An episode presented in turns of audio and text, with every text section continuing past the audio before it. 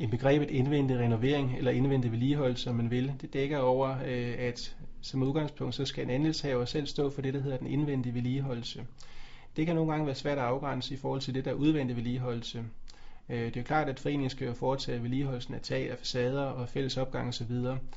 Men når man kommer ind i selve lejligheden, så kan det være svært nogle gange at definere, hvad er den indvendige vedligeholdelse, og hvor meget skal andelshaveren selv vedligeholde.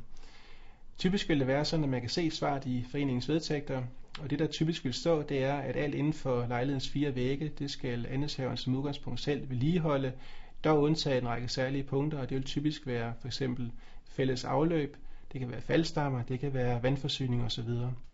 Men svaret bør kunne findes i vedtægten.